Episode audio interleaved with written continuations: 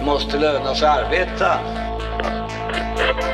Det är väl den typ av inblandning vi kan ta ansvar för. I övrigt är det ju arbetsmarknadsparter som sätter löner i Sverige. Sticka en nål i en arm i Italien eller i Sverige borde inte vara jättestor skillnad egentligen. För mig är det viktigt att vi har verktyg och redskap om det är så att konjunkturen vänder. Välkomna till Arbetsvärldens podd Arbete och fritid som idag spelas in onsdag den 12 maj. Idag ska vi tala om facklig styrka och den svenska modellen 2.0. Vad kommer egentligen den nya LAS-överenskommelsen att innebära? Håller tjänstemännen på att ta över arbetarnas roll i fackföreningsrörelsen och hur ser hoten mot facket ut framöver? Självklart ska vi också få en rapport från en jobbig värld. Vi är som vanligt i panelen Samuel Engblom, samhällspolitisk chef på TCO. Hej Samuel! Hej Mikael! Hur är läget? Är du laddad är bra. för eh, Kristi har, eh, himmelsfärds helg? Ja, nej men jag är laddad. Eh, Det kommer att bli mycket motion. Vi har en motionstävling på TCO som jag tar på stort allvar. Till skillnad från vissa andra. Ja, jag, ja, det är jag som har erkänt att jag fuskade lite där med elcykeln. Officiellt är det ju en lagtävling men när det går att få fram individuell statistik som det går, då går att göra så skapar ju det sin egen dynamik eh, på samma sätt som det kan göra i arbetslivet. Varför det till exempel är viktigt att vi har tydliga regler om personlig integritet i arbetslivet och hur man kan använda den här typen av prestationsmätningar.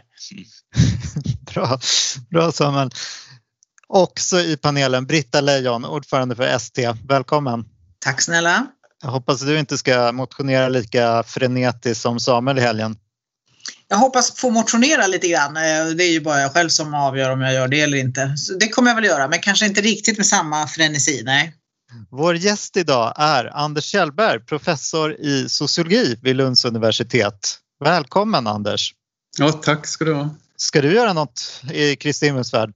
Ja, jag kommer väl att göra lite olika saker. Det blir en del cykelturer, det, det vackra sommarvädret som vi har här i Lund och jag tror ni har det i Stockholm också. Jag sitter i konferensrummet på sociologiska institutionen och blickar ut över, ja man ser universitetshuset i bakgrunden och domkyrkan bakom löven på träden här som har spruckit ut. Du är ju vad man kanske skulle kunna kalla en nestor inom svensk eh, fackföreningsrörelse forskning, eh, verkligen. Det är dig man går till för att få veta hur organisationsgraden utvecklas och hur facken står sig, eh, maktförhållandena i, i Sverige. Så jättekul att du kunde vara med idag.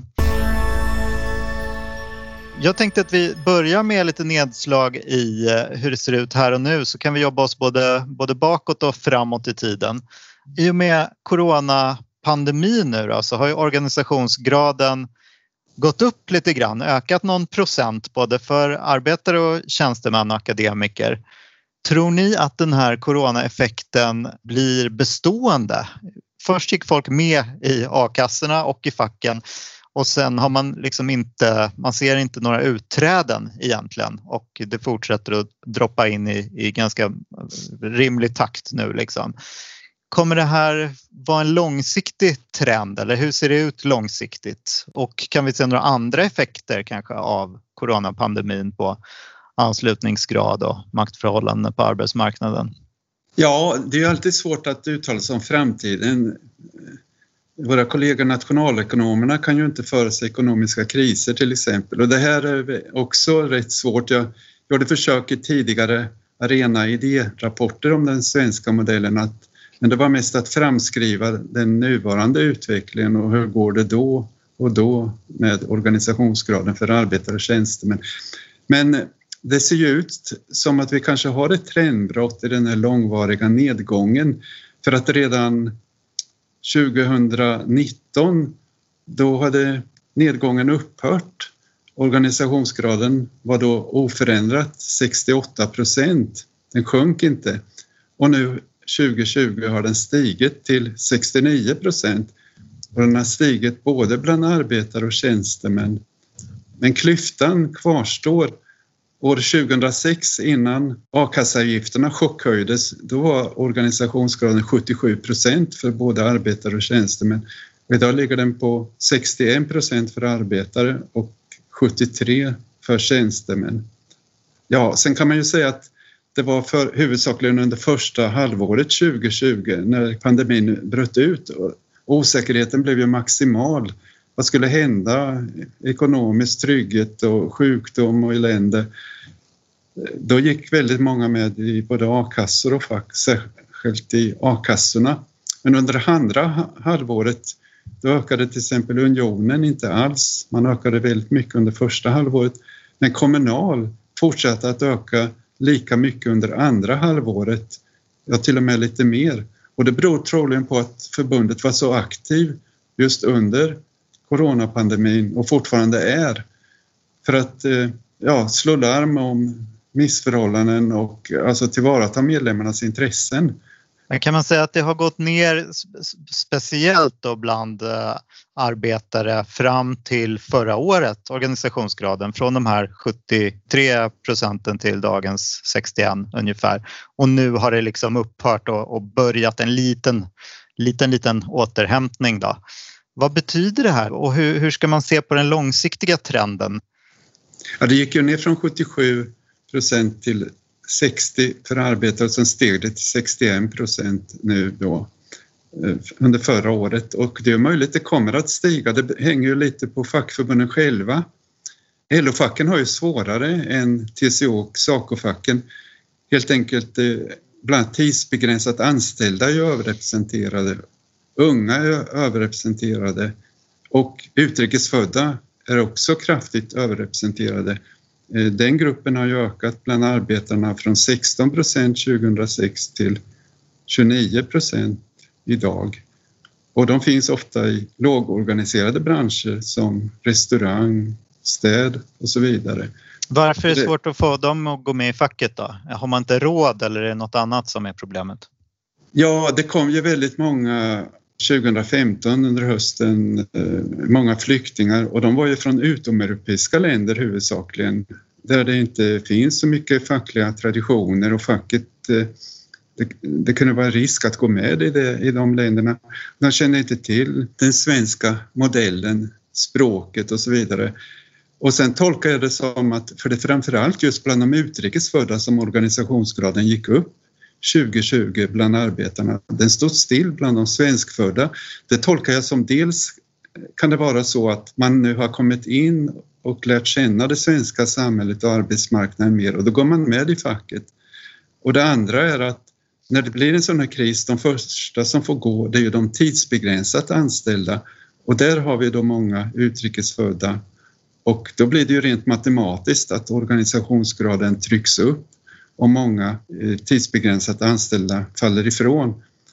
För organisationsgraden räknas enbart på folkbokförda i Sverige, anställda och folkbokförda i Sverige. Så till exempel utstationerade i Sverige, de ingår inte i de här beräkningarna. Det sägs så ofta just att vi har en nedåtgående trend på eh, vad gäller organisationsgraden globalt och även i Sverige. Och jag tror att Eh, det där är ju sånt där som också riskerar att bli lite självuppfyllande. Alltså det blir ganska, eh, en ganska så här, en stämning där det där nästan är en naturlag. Eh, och eh, då är det två saker som jag tänker på. Dels då om jag menar, vi har den här ned, liksom skiftet ner, hacket i kurvan där 2006-2007. Så vi hade en nedgång och sen får vi en väldigt, liksom, lite lätt utförsbacke och sen pang åker det ner där i samband med förändringen av a-kassan. Och sen om vi tittar på tjänstemannaorganisationerna så har ju vi vänt det. Så jag tänker den här generationen fackligt aktiva och fackliga ledare har ju inte levt genom någon nedgång på, på tjänstemannasidan utan det har varit, eh, då om vi tittar överlag, eh, ganska framgångsrika 15 år då medlemsmässigt. Va? Eh, sen en del av det när det gäller antalet medlemmar bygger ju också på att vår andel av arbetsmarknaden ökat. Det har blivit fler jobb. Liksom. Blir det fler poliser så får Polisförbundet fler medlemmar. Så enkelt är det. Och jag tänker också, jag tänker, vi har ju även hjälpt inom staten och kommunerna och sånt där. Visat att liksom, basen har ökat och då har vi kunnat öka. Men därför är det också intressant att se att, att faktiskt organisationsgraden har ju liksom stabiliserats. Sen så finns det ju bakomliggande saker. Dels är det här som att titta på olika sektorer och det som är intressant för Sverige är ju det att dels då att vår relativa, alltså att, att tjänstemännen är så starka, den fackliga anslutningsgraden är där, att privatanställda tjänstemän är med i facket i så stor utsträckning. Det sticker ju verkligen ut internationellt och är ju en väldigt stor del av förklaringen till att vi ligger högre än eh, många andra länder och även, inklusive att vi ligger högre än länder som Norge. Och sen det som Britta tar upp är också i och för sig en viktig observation då, det är ju det här att, att när vi tittar på tjänstemannasidan så är det väl så, och det här får Anders rätta mig om jag har fel, men minns jag rätt så är det ju att på offentligsidan så har vi tappat en del i organisationsgrad medan eh, tjänstemännen på privatsidan har ökat om vi tittar på, på vad som har hänt efter 2007 där då. Eh, men sen ska man också komma ihåg att det är så lätt att se på det här som siffror, det går lite ner och sånt här. Men det är ju väldigt stora flöden. En del av de här organisationerna, eh, framförallt på LO-sidan, som har en låg organisationsgrad, de är ju bland de bästa på att värva medlemmar. Därför att de har så stor omsättning i deras sektorer. Så för att hotell och restaurang ska kunna upprätthålla sin organisationsgrad så måste de värva väldigt mycket medlemmar därför att det finns stora utflöden där också. Det är så lätt att se det som något, här har vi liksom en, en, klump som sakta krymper, en ett isberg som smälter. Men det är inte alls så utan det, är ju liksom, det värvas ju medlemmar varje dag i tusental. Va? Och det förloras också medlemmar i tusental varje. En del går i pension, en del byter bransch, någon blev sur och vill inte vara med längre, någon tyckte att det var för dyrt. Att det är så stora flöden, det är ju också ganska hoppingivande. Därför att det visar att vi har ju förmågan att värva medlemmar. Alla fackliga organisationer har förmågan att värva medlemmar och Absolut. det ska vi fortsätta med och så måste vi bli bättre på att behålla dem vad betyder organisationsgraden då? Är det, handlar det om legitimitet eller handlar det om pengar? Eller det handlar om makten om? vid förhandlingsborden. Jag brukar säga att ja, men det är klart att det är viktigt att vi blir fler så att vi har råd att anställa duktiga ombudsmän på kansliet i Stockholm. Men den viktigaste grejen, det är ju makten vid förhandlingsborden. Det är legitimiteten, det är styrkan.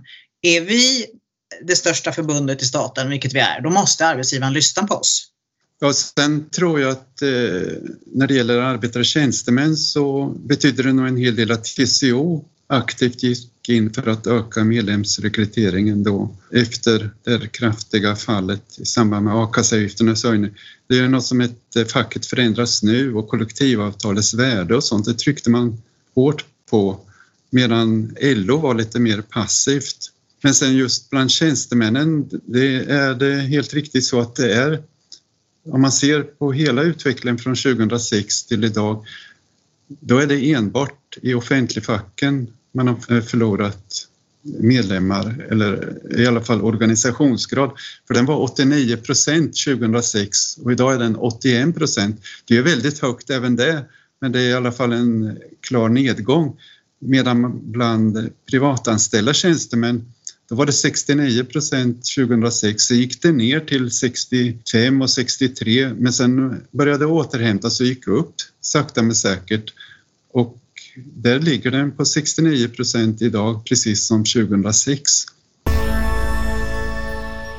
2020 var ju ett speciellt år eh, på andra sätt också. Vi hade inga konfliktdagar på arbetsmarknaden enligt Medlingsinstitutet. Hur ska man se på det här? Är det en styrka eller, en, eller är det ett tecken på att eh, facket har varit för mesiga? Eller? Nej men Mikael, jag tycker mm. det, det är ju själv, självklart kan jag säga, det är väl ganska givet att det inte var så himla framgångsrikt att hota med strejk under en pandemi. Liksom. Det var ju inte det första kortet som man drog vid förhandlingsbordet från den fackliga sidan om man säger så. Jag tycker bara att det återspeglar det exceptionella året vi har bakom oss. Liksom. Det var ganska många strejkvarsel i alla fall. Och i ett eh, fall så blev det ju en klar framgång, nämligen Byggnads. Där fick då de regionala skyddsombuden rätt att besöka arbetsplatser där det finns kollektivavtal men inte medlemmar. Och det är framförallt byggfirmor med utstationerad arbetskraft ja, de polska byggnadsarbetarna och fler, de vågade inte gå med i facket då blev de hemsända. Men företaget har ändå kollektivavtal, det ska se snyggt ut. Och där har inte fram till nu i byggbranschen de regionala skyddsombuden rätt att besöka arbetsplatser som tillhör de där problemen är allra störst på svensk arbetsmarknad. Och regeringen försökte ju häromåret ändra på detta men det blev ju bakslag i riksdagen så det, i alla fall Byggnads har lyckats med en bedrift att inom sitt område, och det är ju där problemen kanske är som störst, få igenom. Det gav arbetsgivarna med sig. Mm. Och det var ju mitt under en pandemi. Men eh, även under den djupa depressionen på 90-talet så visade de svenska facken en enorm styrka. 1995 var ju ett konfliktfyllt år Eh, trots lågkonjunkturen och det anmärkte Nils Ylvander, forskaren, på att eh, det var anmärkningsvärt att facken hade sådana styrka. I år tror jag att det spelar in att förutom ekonomisk kris så är det ju pandemin och då är det ju inte så lämpligt eller möjligt. Till exempel hotellanställda kan ju knappast strejka. Det får ju ett, för att spara pengar åt hotellägarna. Det är ju hotell och restaurangs trumfkort annars när det gäller arbetskonflikter att ta ut de stora hotellen där det finns starka fackklubbar. Jag tycker Anders har en jätteviktig poäng här, nämligen att strejkdagar är ju ett eh, egentligen väldigt konstigt mått på hur stridbart en fackföreningsrörelse är, som ju en del vill ha det till. Det här, den här siffran har ju diskuterats i olika sammanhang.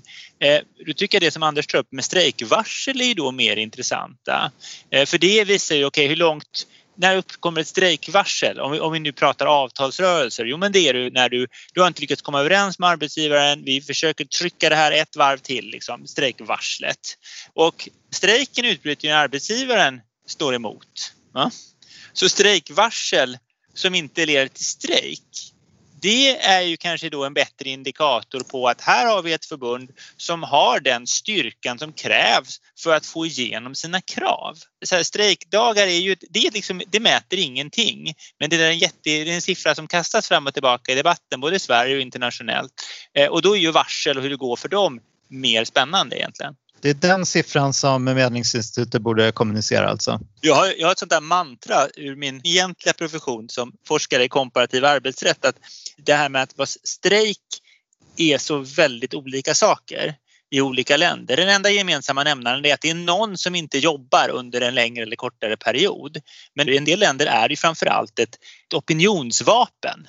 Det är punktstrejker. Det är som i Italien kanske strejker ibland, alltså en, en endags generalstrejk för att göra en viss politisk poäng med stora demonstrationer på gatorna. Liksom. Jag har varit på sådana där, det är fantastisk fest. Eh, och, och Medan i Sverige så är det ett ekonomiskt vapen. Eh, det är så vi använder det och då, fyller en, och då fyller, liksom spelar helt olika roller. Men vi är överens om två saker. Ett då att det är en, en grundläggande rättighet och det är någon som inte jobbar i någon utsträckning. Men i övrigt så är det reglerat på helt olika sätt, används på helt olika sätt och så. Och där blir också den här, den här jämförande statistik av strejkdagar det, det, kan man också fundera på vad den egentligen mäter. Nej, men jag håller helt med. Och det, det, jag tror att vår förhandlingschef brukar, brukar säga, fast på ett snärtigt sätt som jag inte kommer ihåg, men just det att vår, vår, vår största påtryckning är precis det där skedet när vi liksom eh, är på randen till en strejk men den inte har brutit ut. Det är då vi har liksom som mest effekt i vårt förhandlingsarbete. Är det så att tjänstemännens styrka växer på bekostnad av arbetarnas som du har varit inne på Anders och som ju eh, Unionen eh, säger att eh, nej så är det inte alls i vår rapportering i ämnet. Ja, det kan man väl säga men det är en långsiktig utveckling för 1950 då hade LO 78 procent av fackmedlemmarna i Sverige idag har de 41 procent. Det är den ena och sen har ju då antalet, både andelen arbetare och antalet arbetare minskat medan tjänstemännen växer. Och kombinationen av att organisationsgraderna eh, utvecklas mer förmånligt bland tjänstemännen och att tjänstemännen blir fler och fler, det gör ju att det blir en styrkeförskjutning. Men sen hör det också till institutionella förhållanden, hur eh, löneförhandlingar och sådant är organiserat i Sverige och då kan man säga att de svenska tjänstemännen i privat sektor har en internationellt unik styrka. För det första, ja, redan SIF var, saknade motsvarigheter i andra länder. PTK bildades 73 utav SACO och TCO-förbund och ledarna. Det finns inte heller någon motsvarighet till en sådan. Men framför allt så gick ju både LO, TCO och SACO-förbund inom industrin samman 92 för att få ett stopp på arbetsgivarnas planer att helt och hållet decentralisera lönebildningen till de enskilda arbetsplatserna och individerna, det så kallade förhandlingsrådet. Sen utvecklades, utvidgades det till facken inom industrin 96 och facken inom industrin tog initiativet till industriavtalet och det gäller ju fortfarande och det är ju det som är märkessättande för hela arbetsmarknaden. Och där har vi då tunga tjänstemannafack som Unionen och Sveriges Ingenjörer. Motsvarighet i Norge finns inte. Där, den så kallade frontfacksmodellen i Norge, där är det LO-förbunden som är med tillsammans med arbetsgivarna och sätter märket. Och i Danmark är det före detta LO-förbund eftersom LO inte längre finns utan man gick ihop med motsvarigheten till TCO i Danmark. Men det är före detta LO-förbund och en del organiserar ju rätt många tjänstemän eh, som HK, handel och kontor. I Sverige har vi ju fristående eller eh, tjänstemannafack som har egna, ja, egna fackförbund och centralorganisationer. Så tjänstemännen i Sverige har en internationellt unik styrka. Så det, det, är inte bara organisationsgrad och antal utan även hur förhandlingssystemet är uppbyggt. Först var det ju LO och SAF som dominerade de centrala förhandlingarna. Sen tillkom PTK. Sen berövades alla tre förhandlingsrätt på central nivå när det gäller löner 1990 eftersom SAF backade ur. Men det fortsatte med omställningsavtal och pensioner och liknande och omställningsavtalet fick ju PTK ett mer förmånligt än vad LO sent omsider fick. Och sen var det ju naturligt att PTK och LO förhandlade om sådana här frågor då om omställning och liknande. Ja, det fanns sedan länge en stor styrka där. Det är ju aktuellt nu förstås med LAS-förhandlingarna och där har ju liksom, ja det blev ju tjänstemannafacken och arbetsgivarna som gick samman och sen så hakade de stora LO-förbunden på kan man säga att just det här om, om det blir tjänstemännens frågor blir viktigare än frågor inom vissa LO-fack och vissa frågor som andra LO-förbund drev kom inte med i eh, överenskommelsen då.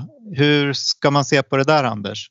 Ja, till bilden hör ju där att alltså hyvling är ju störst problem inom handeln och Handelsanställda förbund hakade ju inte som Kommunal och IF Metall på den här uppgörelsen för de anser sig ha ett bättre eget avtal när det gäller otrygga jobb och liknande. Däremot IF Metall har ju då väldigt lika intressen som tjänstemännen inom industrin bland annat. Alltså det här med kompetensutveckling, omställning och eh, man, man, eh, IF Metall har ju ett ben dels i facken inom industrin där tjänstemännen också finns och dels inom LO. Det är lite spänning mellan de där två benen ibland. Men IF Metalls eh, nuvarande ordförande Marie Nilsson har nu till och med föreslagit, då när hon tillträdde, att slå ihop IF Metall med tjänstemannafack som Unionen. Och Unionen har ju för sig inte avvisat sådana propåer men det, alla anser, bedömer att det kommer att ta kanske 10, 20, 30 år innan en sån sammanslagning blir verklighet. Men det antyder i alla fall att man har väldigt gemensamma intressen.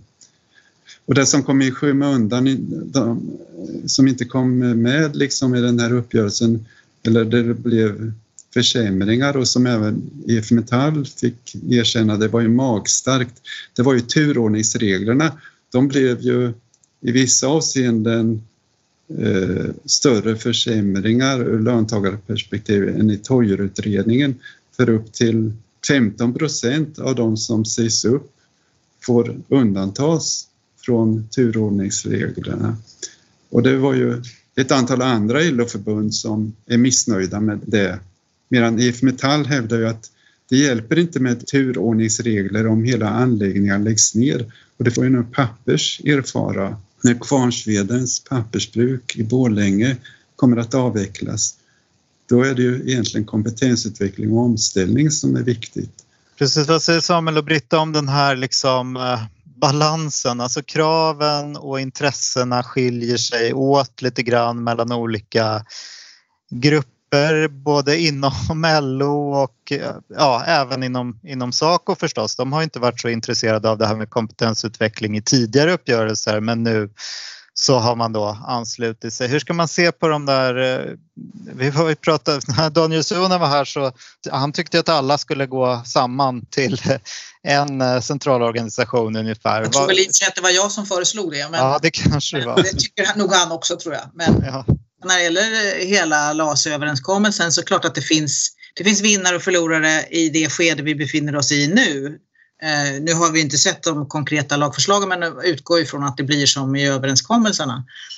Och då kan man väl säga att på privat sida så har man ju lyckats åstadkomma, alltså jag tycker ju genuint illa om det här med att, att fackens möjligheter att försvara eh, medlemmar som eh, riskerar att bli av med jobbet, eh, att det har försämrats radikalt. Men där har man ju gjort en väldigt stilig och snygg sak på den, på, för den privata sidan då för att rädda upp det där, nämligen att man har i överläggningarna kommit fram till att man ska ha en sorts tvistelön under tiden som tvisten bedrivs så att den enskilde medlemmen ändå ska liksom klara sig ekonomiskt. Och det är ju stiligt för det innebär ju också en förutsättning för att hålla en hög organisationsgrad. Så det är ju fint.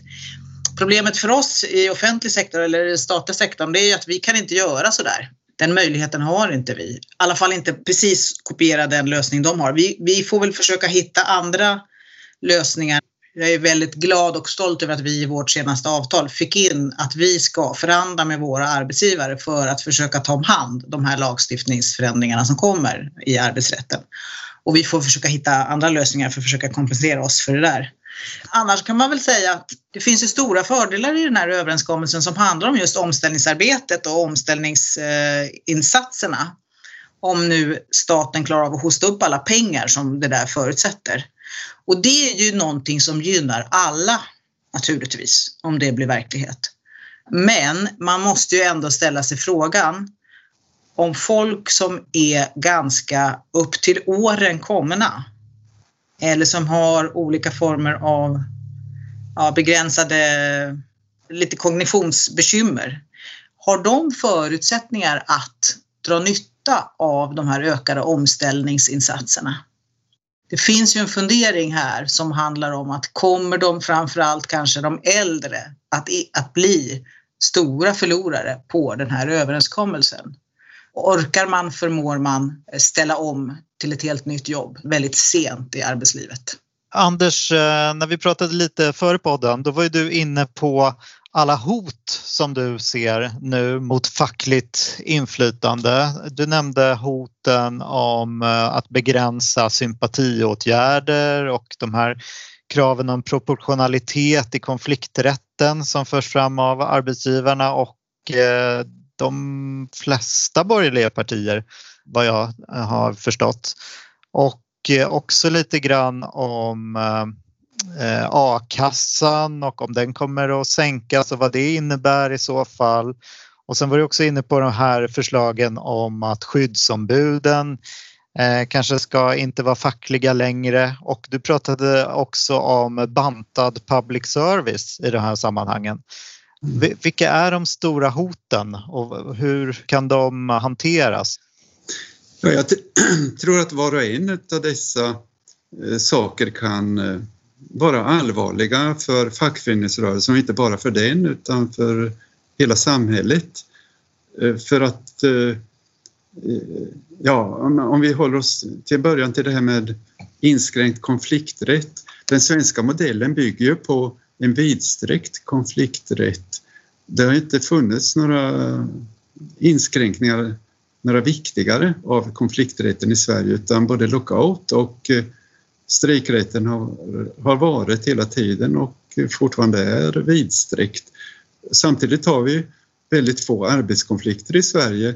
Även ur ett nordiskt perspektiv är det mycket, ligger det på en mycket låg nivå i Sverige. Och inom industrin där eh, har det ju knappast strejkats alls, bortsett från pappers, eh, sedan industriavtalet. Men i Sverige har vi ju varken statligt reglerade minimilöner eller allmängiltig förklaring av kollektivavtal. Och då menar jag att konflikträtten är en delvis en motsvarighet till allmängiltig förklaring i andra länder. I Norge har vi allmängiltig förklaring så kollektivavtalen gäller samtliga företag i vissa branscher. I Finland likaså. I Frankrike täcker kollektivavtalen nästan 100 procent genom allmängiltig förklaring. Men hur ska då de svenska facken, om vi inte ska ha allmängiltig förklaring, hålla uppe kollektivavtalsteckningen? Jo, det är ju då att facken har rätt att mot oorganiserade arbetsgivare hota med konflikt i sista hand. Men vanligen är det ju långa samtal och halvårsvisa eller längre.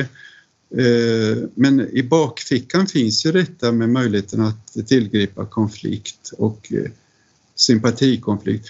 Och Svenskt Näringsliv, ja det var ju en av två anledningar till att man drevs, hoppade av de tidigare förhandlingarna om ett nytt huvudavtal 2008-2009. Dels ansåg man att facken inte ville gå med på förändringar av turordningsreglerna men så var det också konfliktreglerna.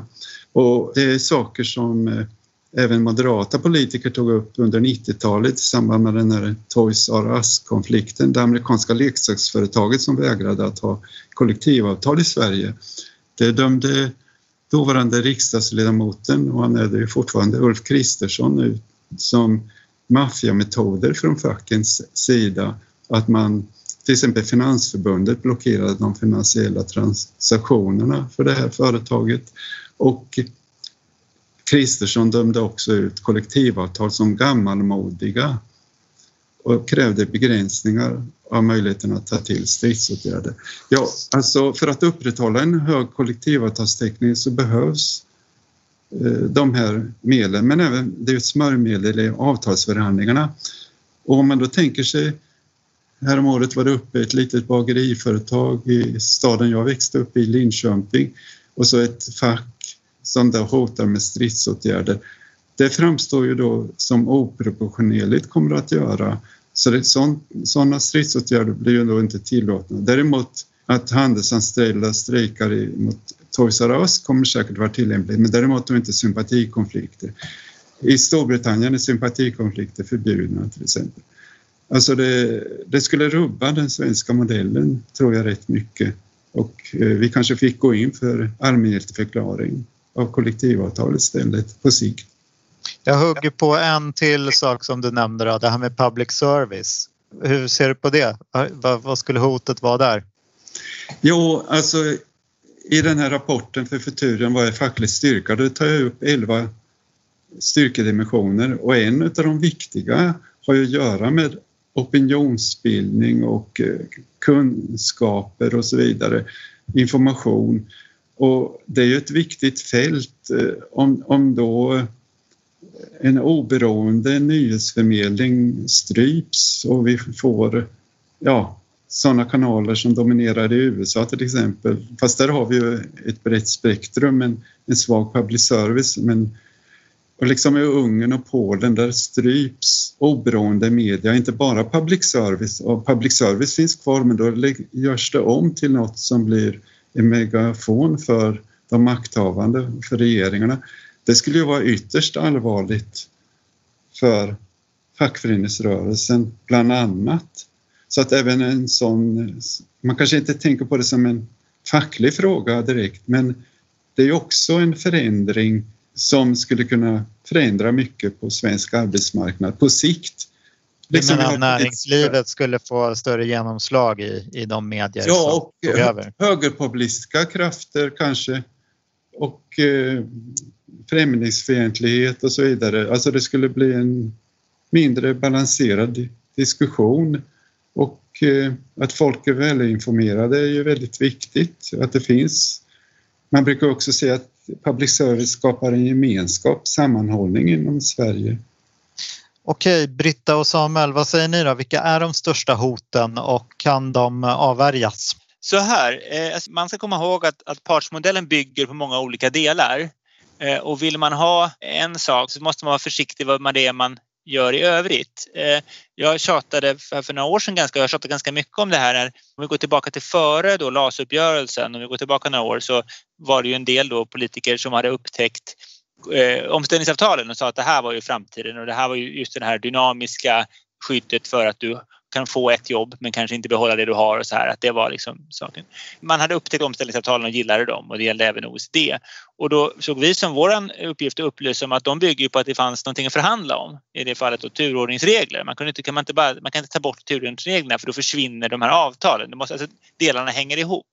Och det är också så här, vill man ha den här eh, höga kollektivavtalstäckningsgraden alltså och vad det ger av till exempel då fredliga relationer på arbetsmarknaden och sånt där, ja då kan man inte ge sig på rätten till sympatiåtgärder. Därför att det är ofta, det är liksom, de ligger strejkrätten inklusive rätten till sympatiåtgärder ligger ju som en grund för hur vi uppnår den här höga organisationsgraden. Och det där är någonting som vi har sett som väldigt viktig sak att upplysa om och utbilda både politiker men även tjänstemän på olika håll och, och, och, och journalister om.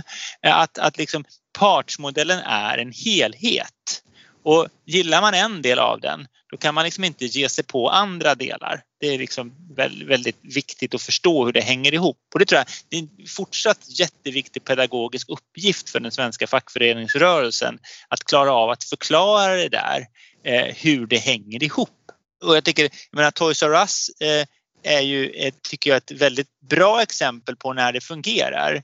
För några år sedan när vi tittade på TTIP, hur det skulle funka, det här handelsavtalet med USA, handels och investeringsavtalet i USA. Ett mål var ju då att en Toys R Us situation ska vara möjlig. Det vill säga att kommer ett utländskt företag till Sverige så ska vi alltid ha rätt att, att vita, i, i sista hand vidta stridsåtgärder för att få till stånd ett kollektivavtal. Det var liksom någonting som vi skulle se till att det skyddades i det avtalet. Liksom, vi, det finns ju skrivningar i SETA till exempel som, som går åt det hållet. Så det där, hur det hänger ihop tror jag är jätteviktigt att, att, eh, att ha klart för sig och, och, och aldrig liksom släppa på. Bra, vi skulle haft någon från arbetsgivarsidan med såklart som hade kunnat säga att eh, partsmodellen kommer leva och frodas alldeles utmärkt även om man förbjuder sympatiåtgärder och inför proportionalitet i konflikträtten. Det, det kan vi ha en annan gång. Det finns ju, många av de här frågorna du har lagt upp här är ju sånt som allvarligt kan utmana våran, våran arbetsmarknadsmodell.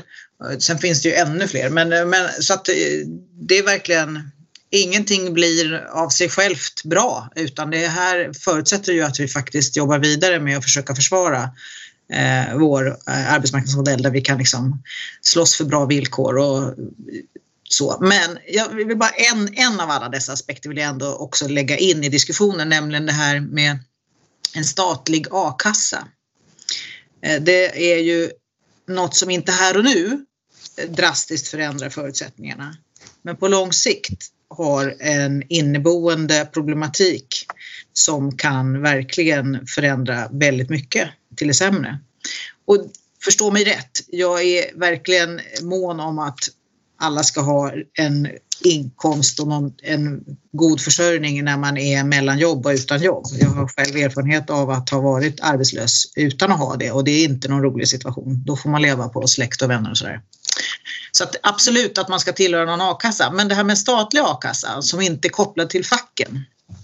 Det är ju på sikt ett bekymmer, framförallt inledningsvis för de fack som inte har någon inkomstförsäkring. Och det är ju oftast de fack som inte har råd att ha någon inkomstförsäkring därför att man har en arbetslöshet som är så pass hög ofta i sin bransch. Eh, och ponera att vi har en statlig a-kassa som står för x procent av alla som jobbar, att det liksom är obligatoriskt att tillhöra. Och vi kommer in i en längre konjunktursvacka med hög arbetslöshet. Då kommer det inte bara vara de nuvarande förbunden som inte har råd med en a-kassa. Då kommer också väldigt många av oss andra som har en, eller som har en inkomstförsäkring, vi kommer också få problem med att finansiera den. Blir det en utdragen eh, lågkonjunktur så kommer det vara ett jättebekymmer för många förbund att ha kvar sin inkomstförsäkring. Fördelarna med att vi i facken har ansvar för a-kassorna är ju att vi blir vi, vi kan inte bara ta ansvar för att våra medlemmar får en hög lön, så hög lön som möjligt. Vi måste också ta ansvar för att våra medlemmar har förutsättningar att få behålla jobben. Så vårt ansvarstagande i och med att vi också har hand om a-kassesystemet är större än om vi inte längre har kvar eh, kopplingen till a-kassan. Yes. Eh, vi blir, riskerar att bli i så fall Eh, mer militanta eh, och vi riskerar att få en, en, en situation där, ja, där vi liksom går mot ett franskt eh, system liksom i, läng- i förlängningen. Detta är på lång sikt, det är jag medveten om. Men jag vill ändå säga att det som kan verka som bara, en bra, bara bra med en statlig a-kassa, det är, finns eh, inneboende bekymmer med det som vi måste se upp med. Hörni, vill ni avsluta med något eh, offensivt förslag? Nu har vi ju pratat om allt som kan gå facket emot här. Vad vore den enskilt viktigaste reformen man kunde göra för att liksom värna den svenska modellen och fackföreningsrörelsens eh, inflytande och ställning? Jag kommer på ett jättedrastiskt förslag men jag, jag, jag, tycker nog inte att vi ska göra så. Men om vi skulle göra som på Island, där facken har hand om liksom socialförsäkringssystemen och man inte liksom får... Det, där måste man ju liksom vara med i ett fack för att kunna liksom, ja, för att ha sin trygghet. Eh, så så att det, det är liksom, de har ju 100% i anslutning nästan. Eh, men jag tycker nog inte att det är bra. Nej, jag tycker skulle, vore väldigt bra om politiken la, slutade lägga sig i lönebildningen. Det tycker jag skulle vara jättebra om vi kunde slippa se det, både från svensk och europeisk eh, håll. Det vore toppenbra. Eh, jag tror nog att vi klarar av att försöka ta hand om det där själva. Det tycker jag skulle vara bra. Nej, men jag tror också att det handlar om att se till att politiken håller sig borta från de grundläggande frågorna. Eh, och det är ju verkligen inte bara EU det handlar om, tvärtom de stora hoten finns ju snarare på hemmaplan. Och, och det är ju sånt där, kan vara små grejer. Det kan handla om någonting som Finansinspektionen får för sig som skulle påverka tjänstepensionerna och parternas ansvar för dem. Någon liten detalj kan det tyckas som man måste vara jättenoggrann med. Liksom. Eh, eller så kan det handla om såna här mer uppenbara frågor då, som konflikträtten som, som Anders nämnde. Eh, eller att man går in och petar i någon annan grundläggande del som skyddsombuden och sådana saker. Tror det är det här att vi måste klara av, som jag sa innan, förklara helheten eh, och hur det hänger ihop och på det viset övertyga människor om att behålla de här olika delarna. Då. Det tror jag. Så allt är, är bra ju... bara politikerna håller Nej. sig borta? De ska ja, inte göra det... någonting, ni vill inte göra någonting offensivt utan ni jo. vill bara så hindra förändring? Nej, men alltså det är väl, sen är, handlar det ju om att organisera. Alltså det är ju det, det kommer vi ju aldrig ifrån. Som Britta var inne på i början, det är det som ger styrkan. Och det är klart att där kan det ju finnas saker att göra. Det ska vara lätt att gå med i facket. Det ska inte vara för dyrt, framförallt inte för de som kanske tvekar mer att gå med i, i facket. Jag tror det är där vi kan behöva jobba på, på fler ingångar framförallt för unga kanske. Eh, och det tror jag framförallt LO-sidan som det handlar om. De måste kanske hitta en lättare ingång in i facket för att det är ju så att när folk väl har gått med så tenderar de att se värdet och stanna. Och Anders var inne lite på det här om det som hände 2006-2007 och berömde eh, TCO för det arbetet som vi gjorde i TCO-familjen kring Fakt förändras där. Och det byggde ju på en insikt att ja, man kunde vara jättearg på regeringen som hade ändrat a-kassereglerna eh, och höjt avgifterna och det gjorde att vi tappade medlemmar. Men den ilskan skulle inte vinna en enda medlem tillbaka. Man kunde skylla på regeringen för att vi tappat medlemmar men det var inte de som skulle få ge oss medlemmarna tillbaka. Det var bara vi själva som kunde göra det. Den men gäller det också det, ditt förslag här om att göra det enklare för unga att eh, gå med i facket? Det är inte regeringen som ska göra något med avdragsrätt för fackföreningsmedlemskap eller så utan det är bara facken själva, eller? Ja, nej, men jag tänkte, det är facken själva och jag tror också det att vi, det är viktigt att ska man vara en stark och fristående fackföreningsrörelse så ska man inte vara beroende av stora statsbidrag som en del av våra kollegor ute i världen är. För då sitter man där, då kan de skruva på och av kranen. Utan egna ekonomiska resurser, jätteviktigt. Och värva medlemmar. Och det är så, där, där, är det, där tror jag att LO-sidan skulle behöva tänka lite kring fler vägar in. De har jättebra samarbete kring sin sån här sommarjobbstelefon som ju kan vara en, ofta kanske första kontakten en del ungdomar får med, med facket om att det finns regler på arbetsmarknaden. Den har ju funnits många år eh, och vi hade en variant inom TCO-familjen också ett tag det är kanske därifrån man måste bygga för att göra det lätt att vara medlem. Jag kan se många av våra fack har ju liksom eh, det här att det kan vara ganska billigt att gå med i början, eh, de första månaderna. Så, att vi måste få in folk och göra det enkelt. Och en, säg en person som jobbar med ett påhugg i tre olika branscher. Du jobbar lite i äldrevården, kanske så här, jag hoppar in där och du kanske har något restaurangjobb och så. Ja, men vad ska du vara med? Och det där, det måste vara lätt. De där först, sen när man etablerar sin bransch, då är det jättebra att tillföra, tillhöra ett förbund som kan den branschen, som har tydlig identitet. Men de där första åren i arbetslivet, när man kanske rör sig mellan kors och tvärs och hit och dit och sådär. Bra, Anders, ditt facit nu då i slutet. Vad, den offensiva satsningen här, vad, hur lyder ditt recept? Ja, jag håller ju med om att eh, det är bra om staten inte lägger sig i allt för mycket men ibland är ju staten bra som till exempel då det är staten som kommer att finansiera mycket av det, det med kompetensutveckling och liknande enligt det nya huvudavtalet. Och en sak som staten gjorde från 90-talet det var ju att dra in stödet till arbetsmiljöutbildningar och medbestämmandeutbildningar, vuxenutbildningsstöd. Det gjorde ju att facken fick dra ner på den fackliga studieverksamheten. Och den är ju väldigt viktig med tanke på de förtroendevalda och aktiva fackmedlemmarna. För de har ju minskat enligt SCBs undersökningar om levnadsförhållanden kraftigt. Från mitten av 90-talet var det 360 000 aktiva eller förtroendevalda i de svenska facken och häromåret 254 000. Och där är faktiskt nedgången allra störst på tjänstemannasidan och eh, allra sämst är utvecklingen bland de manliga tjänstemännen. Så där finns det stora utmaningar för facken och där man kanske behövde lite hjälp från staten när det gäller utbildningssidan, alltså anslag. Staten anslår ju till studiecirklar och så vidare men det kan behövas vissa insatser.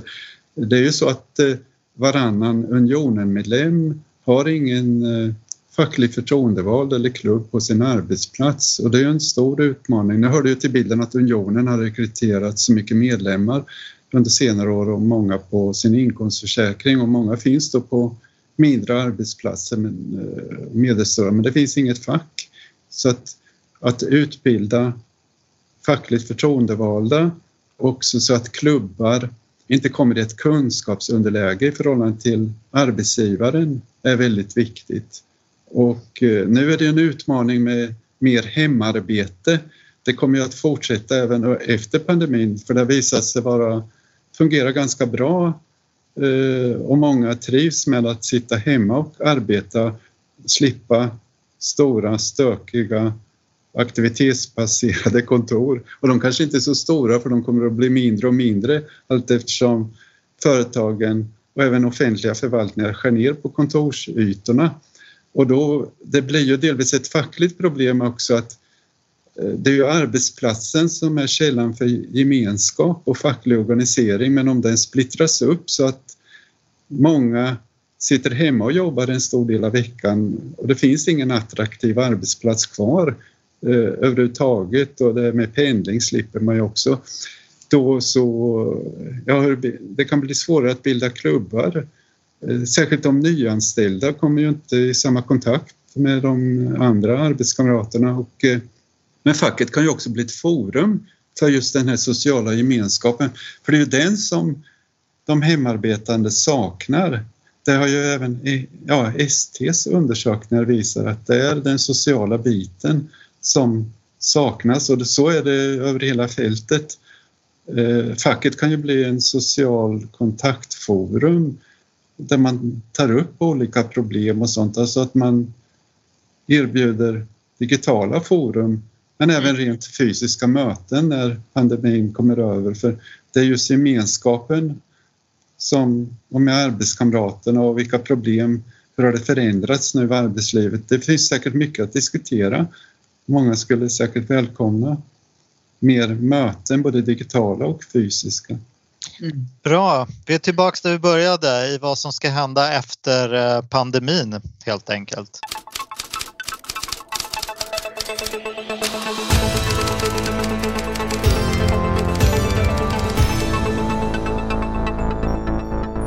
Herrbastu föreslås bli safe space för Sverigedemokrater.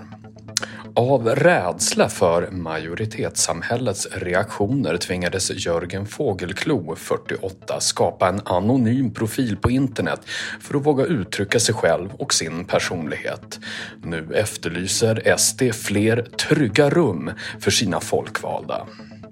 Vi ser framför oss ett fysiskt avskilt område där vita medelålders män kan möta likasinnade, dela erfarenheter och fritt uttrycka sina åsikter. Förslagsvis i form av en herrbastu, skriver partiets medlemsutskott i en utredning som presenterades tidigare idag.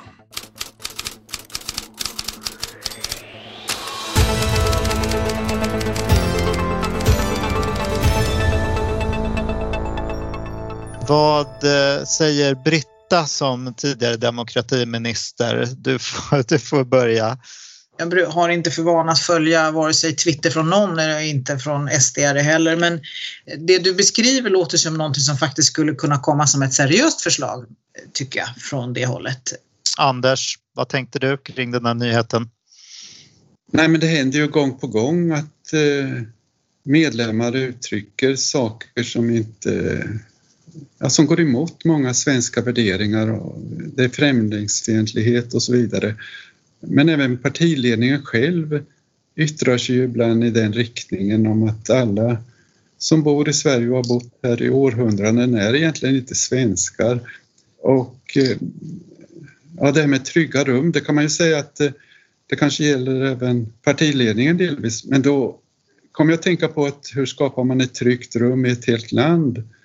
Jo, då kommer man ju in på bland annat public service. Ja, hur gör man i Ungern exempelvis? Hur får man det tryggt, ett tryggt rum för statsledningen där med sin nuvarande inriktning?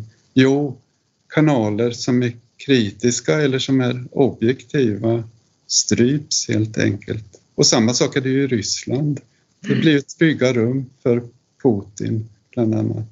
Väldigt klokt Anders. Mm. Ja, tack.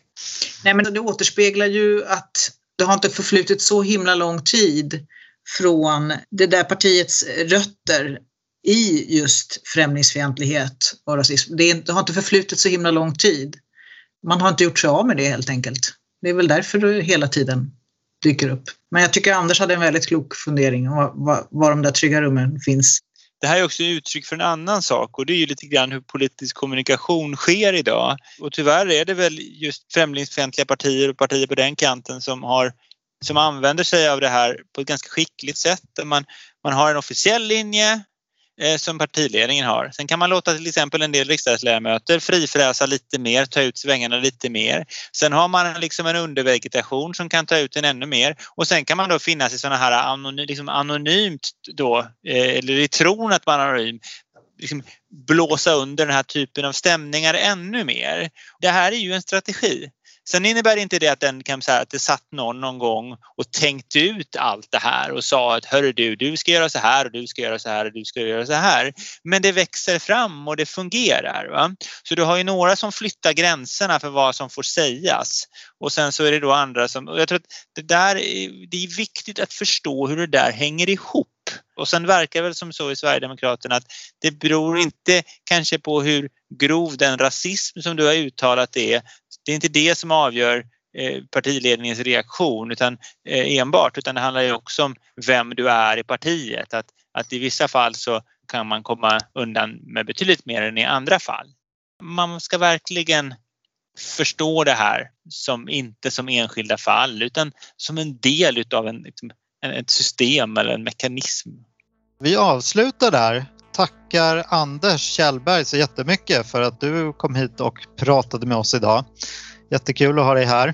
Och det tycker jag också. Tack för inbjudan. Och eh, Samuel och Britta som alltid, tack till er. Och eh, vi ska säga att det är Anders Ljung som klipper podden. Eh, och även sitter med här när vi snackar och tar anteckningar på vad du ska klippa bort och vad du ska ha kvar. Vi hörs väl igen om sisådär två veckor. Ha det bra tills dess. Hej hej! Ja, hej.